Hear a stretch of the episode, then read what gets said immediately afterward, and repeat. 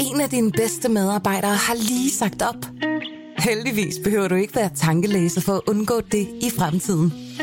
WinningTemp indsamler data gennem hyppige og anonyme medarbejderundersøgelser, så du lettere kan mærke pulsen på dine medarbejdere og støtte der, hvor der er behov.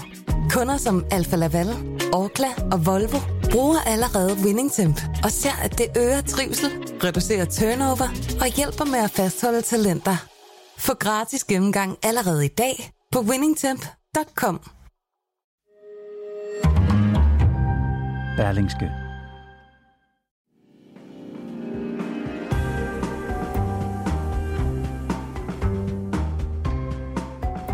Lynetteholm, Danmarks historiens største anlægsprojekt, skal stoppes. Det mener arkitekt og tv-vært Ane Korsen. De problemer, vi står i, prøver vi at løse med en tænkning, som skabte problemerne til at starte med. I bogen Tænk os om har hun samlet en række forskere og arkitekter til at komme med deres bud på, hvordan vi løser fremtidens udfordringer i København. Altså stigende vandstand, flere københavnere og mere trafik. Men spørgsmålet er bare, kan Kortsens alternativer løse opgaven bedre, end Lynetteholm-projektet kan? Det spørger jeg hende om i dag. Velkommen i Pilestræde.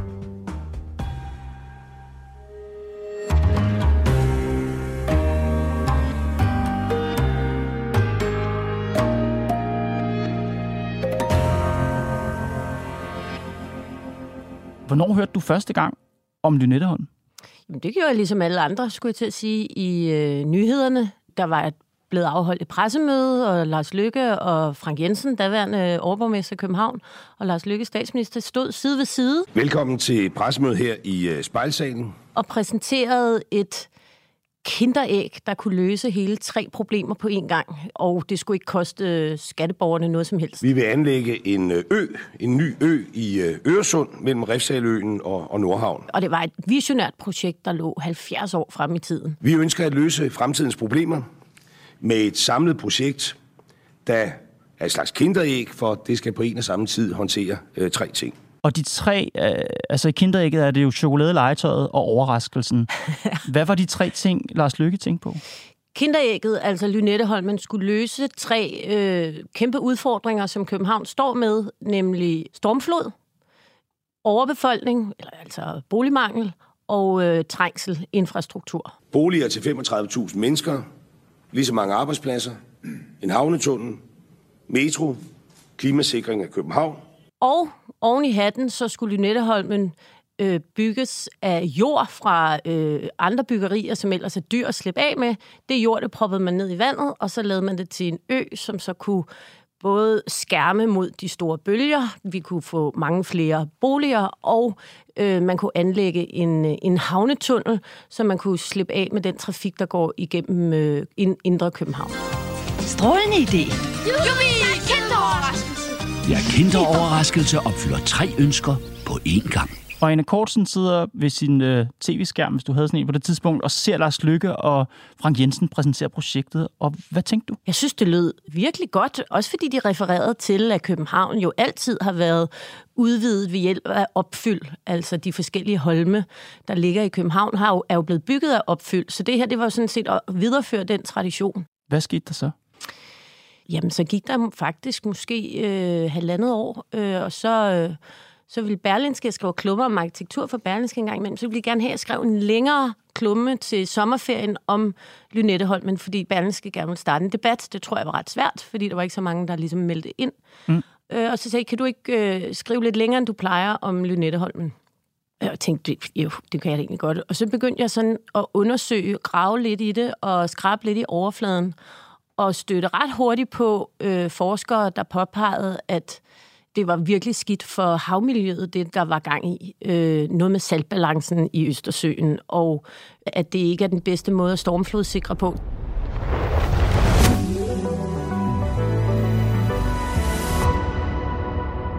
Men giver det så overhovedet mening, at politikerne kalder Lynetteholm for klimasikring?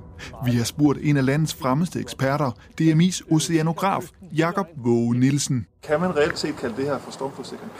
Det mener jeg ikke, man kan. Ikke? Altså, et anlægget af en ø øh, nord for Refshaløen i sig selv giver ikke en sikring mod stormflod i, i Københavns Havn. Så fra, og vi kommer tilbage til det, men fra at have været, hvad skal man sige, virkelig begejstret, mm. tænkt, wow, nu kommer der endelig en stor vision for mm. København. Ja. Så står du faktisk i den helt anden grøft nu.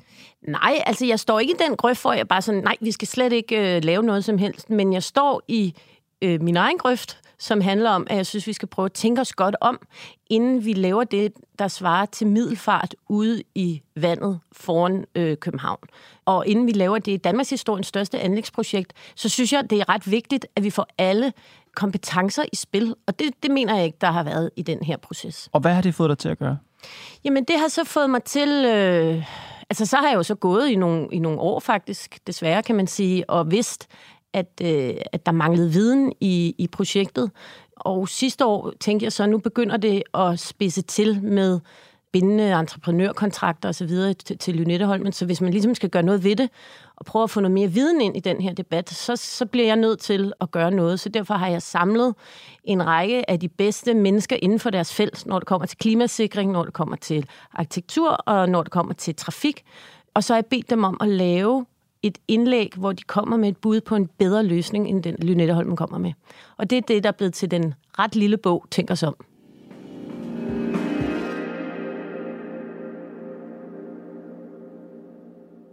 Hvad er det for et København, du frygter, vi får med Lynetteholm?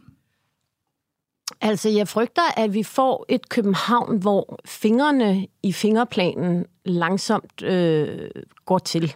Og vi har en hånd inde i midten, som er fyldt med alt for meget trafik og trængsel. Og hjælp lige de lytter, der ikke ja, nu kan det med fingerplanen. Det. Fingerplanen er helt tilbage fra, jeg mener, den er fra 1947. Det er en prisbelønnet plan, som øh, man lagde ned over hele København og Københavns omegn, hvor at øh, midten af hånden, altså håndfladen, er, er ligesom centrum, og fingrene er så S-togslinjerne, der går ud, og så er, er altså, man kan sige, luften mellem fingrene af grønne områder. Og øh, det sikrede, at vi havde et København og omegn, som trivedes enormt godt, fordi at S-togslinjerne skabte jo infrastruktur, men der var stadig grønne områder. Og det var det, der skabte alt det, vi kender i dag, som ligger langs S-togslinjerne fra øh, øh, Bagsvær til Albertslund osv. Alle de her, øh, Højtostrup, alle de her øh, steder. Og øh, i dag synes vi jo, taler vi jo nedsættende om mange af de områder, eller refererer til dem som steder, der ikke fungerer, men i 50'erne, 60'erne, 70'erne var det super, super vellykkede steder at bo. Øh, der var lys og luft til børnefamilierne og god infrastruktur. Øh, nu stemler vi alle sammen sammen herinde i, i midten af byen, øh, og vi kommer til at gøre det yderligere, hvis vi bygger Lynetteholm. Alle vil herind med deres biler, og øh, under den der havnetunnel, der er en, en civilingeniør i min bog, en professor ved DTU, der påpeger, at hvis det, gør, det bliver, som man forestiller eller vil, vil gøre, mm. så vil Nordhavnsvej blive den mest belastede vej i Danmark. Der vil være konstant øh, trafikprop. Så jeg frygter at København, hvor, og hvor vi bygger meget højt for at undgå, at vandet skal trænge ind. Og jeg medgiver, at i 2018, da Lynetteholmen blev lanceret, der kan det godt være, at det var sådan, man tænkte, at man skaber stormflodssikring ved at bygge øh, vildt højt op, så øh, vandet ikke kan komme ind. Mm-hmm. Men der er bare rigtig mange, der peger på, at når vi har et problem med stigende havvand, så er det nok ikke en god idé at putte en masse jord i vandet, for så stiger det yderligere. Derudover så er ideen om at sætte hårdt mod hårdt og trække sådan fronterne stejlt op, så bølgerne ligesom har noget at slå op imod er ikke måden at gøre det på. Altså det har vi set, det er der masser af eksempler på i hele verden. Så bliver man bare nødt til at bygge højere og højere og højere. I virkeligheden, så skal man lave det, der hedder naturbaseret klimatilpasning, hvor man laver barriereøer eller naturlige øh, rev, øh, strandenge, som kan optage vandet stille og roligt, og som kan skabe en masse biodiversitet i øvrigt. Så ideen om at ville holde vandet ude ved at bygge sig ud af det, påpeger de fleste, der ved noget om det, at det, det er simpelthen ikke måden at gøre det på. Der er et, et, et skrækeksempel med i bogen, som er, er New Orleans, som jo blev øh, oversvømmet voldsomt på et tidspunkt. Og der bygger man diger, der bliver højere og højere og højere, så nu, står folk, nu går folk rundt om bag ved nogle 20 meter høje betonvægge. Ikke? Mm-hmm. Og så, så der er bare kommet nu en masse viden, fordi vi er så presset, som vi er klimamæssigt, ja. som viser, at man kan lave øh, rev under vandet, man kan plante ålegræs og østersbanker, man kan lave klitter og andet øh, som vi kan lide at være omkring, vi kan lide at se på, og som samtidig holder vandet ude. Øh, jeg har en, en, en helt ung øh, arkitekt med, der hedder Veronica Siva, som kalder sig selv for havlandskabsarkitekt. Havlandskabsarkitekt, ja. det, det er en first timer for mig. Det er det også for mig. Altså, man kan være landskabsarkitekt, men man kan også være havlandskabsarkitekt. Så tager man bare en dykkerdragt på og går i gang. men der er jo et landskab under vandet. Som øh, vi skal lave om på. Som vi skal passe på. Og ja, som ja, vi men... måske skal få til at arbejde med os, i stedet for at prøve at, at udrydde det. Ikke? Okay. Øhm, så, så hun taler om, og det er der flere, der taler om, et gradueret havlandskab under ja. vandet. Øh, men det er jo også noget, der skal etableres ikke? og bygges.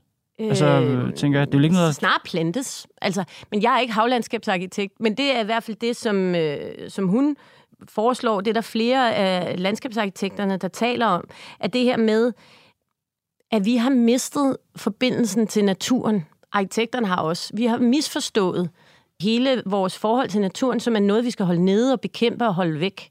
Stig Lennart Andersen, som er en legendarisk landskabsarkitekt, som også er med i bogen, han siger, at vi er natur.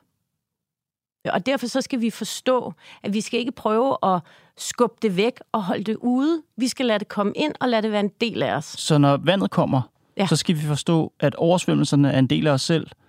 Og vi skal simpelthen lukke dem ind, uh, ind i min... Jeg skal, bare, jeg skal stå nede i min kælder. Mm. Og så skal, skal du sige, jeg er natur. Hvor er det bare dejligt, du er her, fordi uh, du er en del af mig, ligesom jeg er en del. Altså, eller hvad, hvad er det, de forestiller Skal vi lade København oversvømme? Jamen, eller hvad? jamen for eksempel så er der uh, en by i Brasilien, den bliver nævnt i bogen, hvor man har lavet stueetagerne sådan, så man lader vandet komme ind, hvis det er nødvendigt. Så trækker man sig tilbage, og når vandet så ikke er der længere, så trækker det sig ud igen. Og jeg ved godt, det lyder vanvittigt, ja. men vi taler jo også om noget, der ligger meget langt frem i tiden. Ja. Så vi skal prøve at tvinge os selv til at tænke anderledes. Det er det, jeg prøver at opfordre til med min bog. Ja, men, øhm, og, det, ja. Det, og det, jeg synes jeg er rigtig, rigtig spændende. Jeg, jeg, jeg, det, jeg tænker, når du siger de ting, mm. Anne, det er, hvorfor ikke bare gøre nogle af de andre ting senere? Altså, hvis, hvis Lynetteholm ikke i, i nok grad løser problemerne omkring stormflodssikring i København, så kan man bare lave flere tiltag senere hen. Jamen, Lynetteholmen gør jo tingene værre. Altså, ved, vi er ved jo... du det? Ja, altså, det fordi ved. vi har jo by og havn, og vi har ja. øh, øh, kommunen og staten, der siger til os entydigt, det her er en måde at stormflodssikre København på. Det, du siger, det kommer projektet ikke til. Lynetteholm kommer ikke til at stormflodssikre København. Jeg siger, der er bedre måder at stormflodssikre på. Ja, det, den er med på. Men nu har vi jo besluttet projektet. De er i gang med at smide jorden derude. Selve grundarealet er jo planlagt. Ja, periferien er lavet. Periferien ja. er lavet, og den kommer til at blive fyldt op med jord. Og så på et eller andet tidspunkt her, inden for de næste år, så skal der udskrives forskellige arkitektkonkurrencer til, hvordan det så skal se ud, det der kommer ovenpå mm. Lynetteholm. Mm. Men Lynetteholmen som, som grund, som holm, er jo ved at blive etableret. Mm. Det kan vi jo ikke lave om på, tænker jeg. Eller hvad? Jo, altså, det tænker jeg. Jeg tænker, at øh, løbet er ikke kørt, før det virkelig er kørt. Og hvis man ser på øh, Københavns udvikling, så var der jo også planer om i 60'erne at ville lave en sekssporet motorvej, der skulle køre i første sals højde hen over søerne. De var nået så langt, at øh, de havde lavet øh, Bispingbuen, og det, altså projektet var by far, løbet var kørt for længst, men det blev stoppet i sidste øjeblik. Mm. Øh, så derfor så har jeg det sådan, jeg gider ikke resignere og bare sige, nå, men med den viden, jeg har, så ved jeg, at det her det ikke er det bedste, men det er der ikke noget at gøre ved. Gøre mm-hmm. ved. Altså, jeg ved godt, de har lavet periferien og så videre, men der er masser af muligheder for at få tænkt nogle løsninger ind, som ikke er der nu. Ja. Øhm, og, og, og det er ikke fordi, at jeg sådan er, det er derfor, jeg heller ikke kalder det en, en, øh, en debatbog, for jeg synes, problemet nu er, at nu er øh, nu grøfterne blevet gravet så dybt, at folk bare råber øh, skældsord i hovedet på hinanden. Der er ikke en rigtig konstruktiv samtale om Lynetteholm, så jeg vil bare gerne have, at man lige har en samtale, inden man går videre.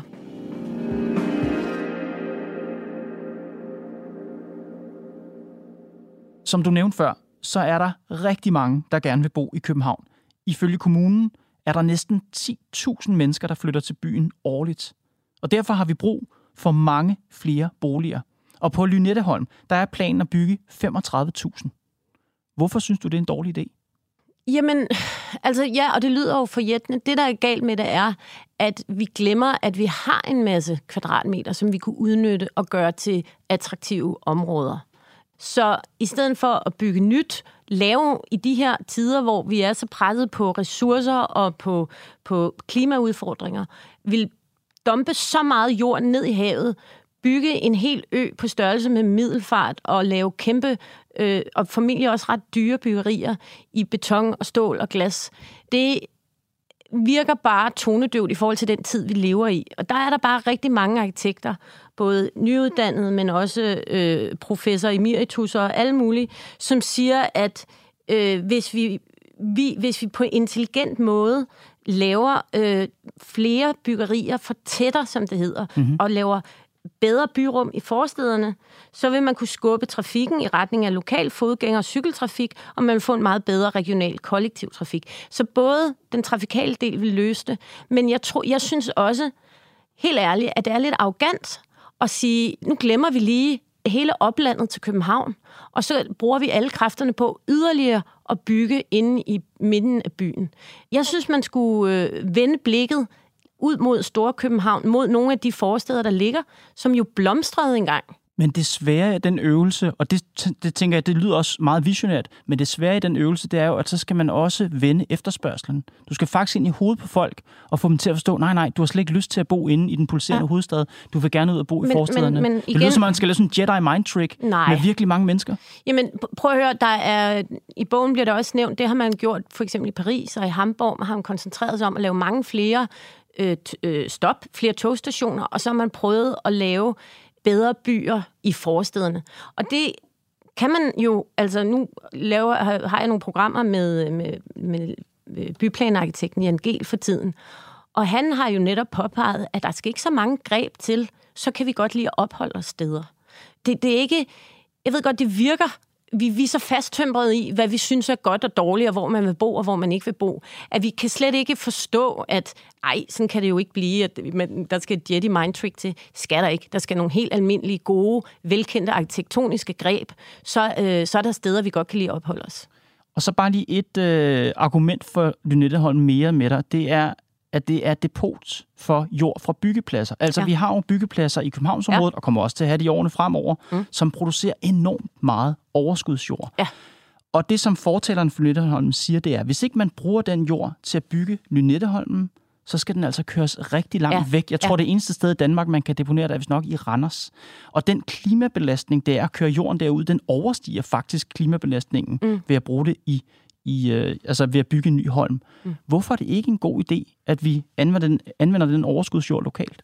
Jamen altså, det er helt klart et kæmpe problem med den her øh, jorddeponi, altså at man har alt det her overskudsjord. Og det skal også løses. Jeg tror bare ikke, løsningen er at putte det ned i vandet. Hvis Skal vi bygge et kæmpe bjerg midt i København? Eller? Måske man kunne bygge der, hvor jorden kommer op, eller man kunne bruge jorden på en anden måde. Jeg har ikke, det har jeg slet ikke noget bud på. Øh, og, og, og måske igen skulle man prøve at transformere og omdanne og forvandle frem for at bygge mere nyt. Mm-hmm. Øhm, men det er rigtigt, det er et problem, det her med overskudsjorden. Mm. Og jeg kan godt se det for Jætner og tænke, ej, for smart. Vi putter ud i vandet, så bliver det til en ø, og så kan vi sælge grundene rigtig dyrt. Ja. Øh, det lyder jo som øh, altså at lave, øh, at lave øh, du ved, øh, øh, jord til guld, ikke? Men, men, men, men det er det er fristende, men jeg synes, man skal lade være med det. Altså kinderægget var kinderæg. fristende. Men det, det, det, det, kinderæg er jo fristende. Ja, okay. Man har jo lyst til at pakke dem op, men bliver lidt skuffet nogle gange. Ikke? Bare mens vi lige er det meget visionære, Ane, og vi var lidt inde på det før. Jeg vidste det, jeg er jo ikke arkitekt, mm. øh, så jeg havde ikke tænkt over det. Mm. Men, men, men kommunen skriver det i papiret, du sagde det også før, det her med, at København er jo en by opført på kunstige øer, mm. altså Holme, øh, Christian 4. anlag Christianshavn i 1600-tallet, mm. og byen er vokset frem på de her Holme, Islands Brygge, Kalvebod Brygge, store dele af Amager og Nordhavn. Hvorfor skal vi holde op med at udvide byen på den måde? Har, har det været en dårlig idé alle de andre gange også? Øh, nej, det har nok ikke været en dårlig idé, men vi står bare med nogle helt andre udfordringer i dag, end man gjorde på måske Christian 4. tid, og sikkert også, da man begyndte at fylde op til Nordhavn. Mm-hmm. Altså, alle har jo kunne mærke, øh, den her sommer. Nu har vi lige været igennem en uge med 25 øh, grader her midt i september. Jeg tror godt, de fleste ved, at der er nogle... Altså, de, de her klimaudfordringer, de kommer ikke til at blive mindre. Det tror jeg, alle er klar over. Og, og, og vi bliver nødt til at tænke anderledes. Altså, den tænkning, vi har haft indtil nu, den, den, den skal laves om simpelthen. Vi bliver nødt til at tænke på nye måder. Det er det, der er det ægte, visionære, innovative, som jeg, og som jeg mangler i Lynetteholms-projektet. Lynetteholms-projektet er lavet ud fra en væksttankegang. Men måske vi skal tænke ud fra en, en meget mere klimabaseret tankegang, når vi prøver at bygge nyt.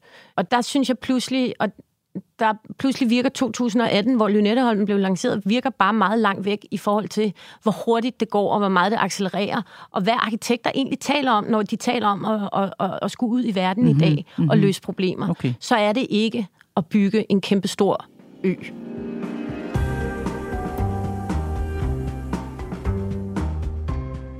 Anna Kortsen, held og lykke med det. Tak, tak fordi du kom, Pilestræde. Selv tak. Det var Pilestræde for i dag. Afsnittet var lavet af Mads Klint, Bo Lange og mig, Kåre Svejstrup. Vi er tilbage i morgen.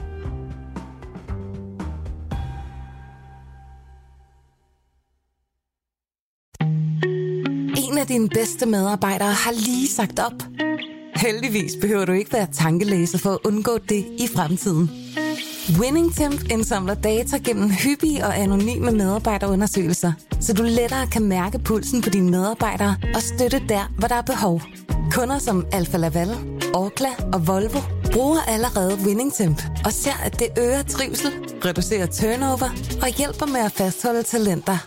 Få gratis gennemgang allerede i dag på winningtemp.com.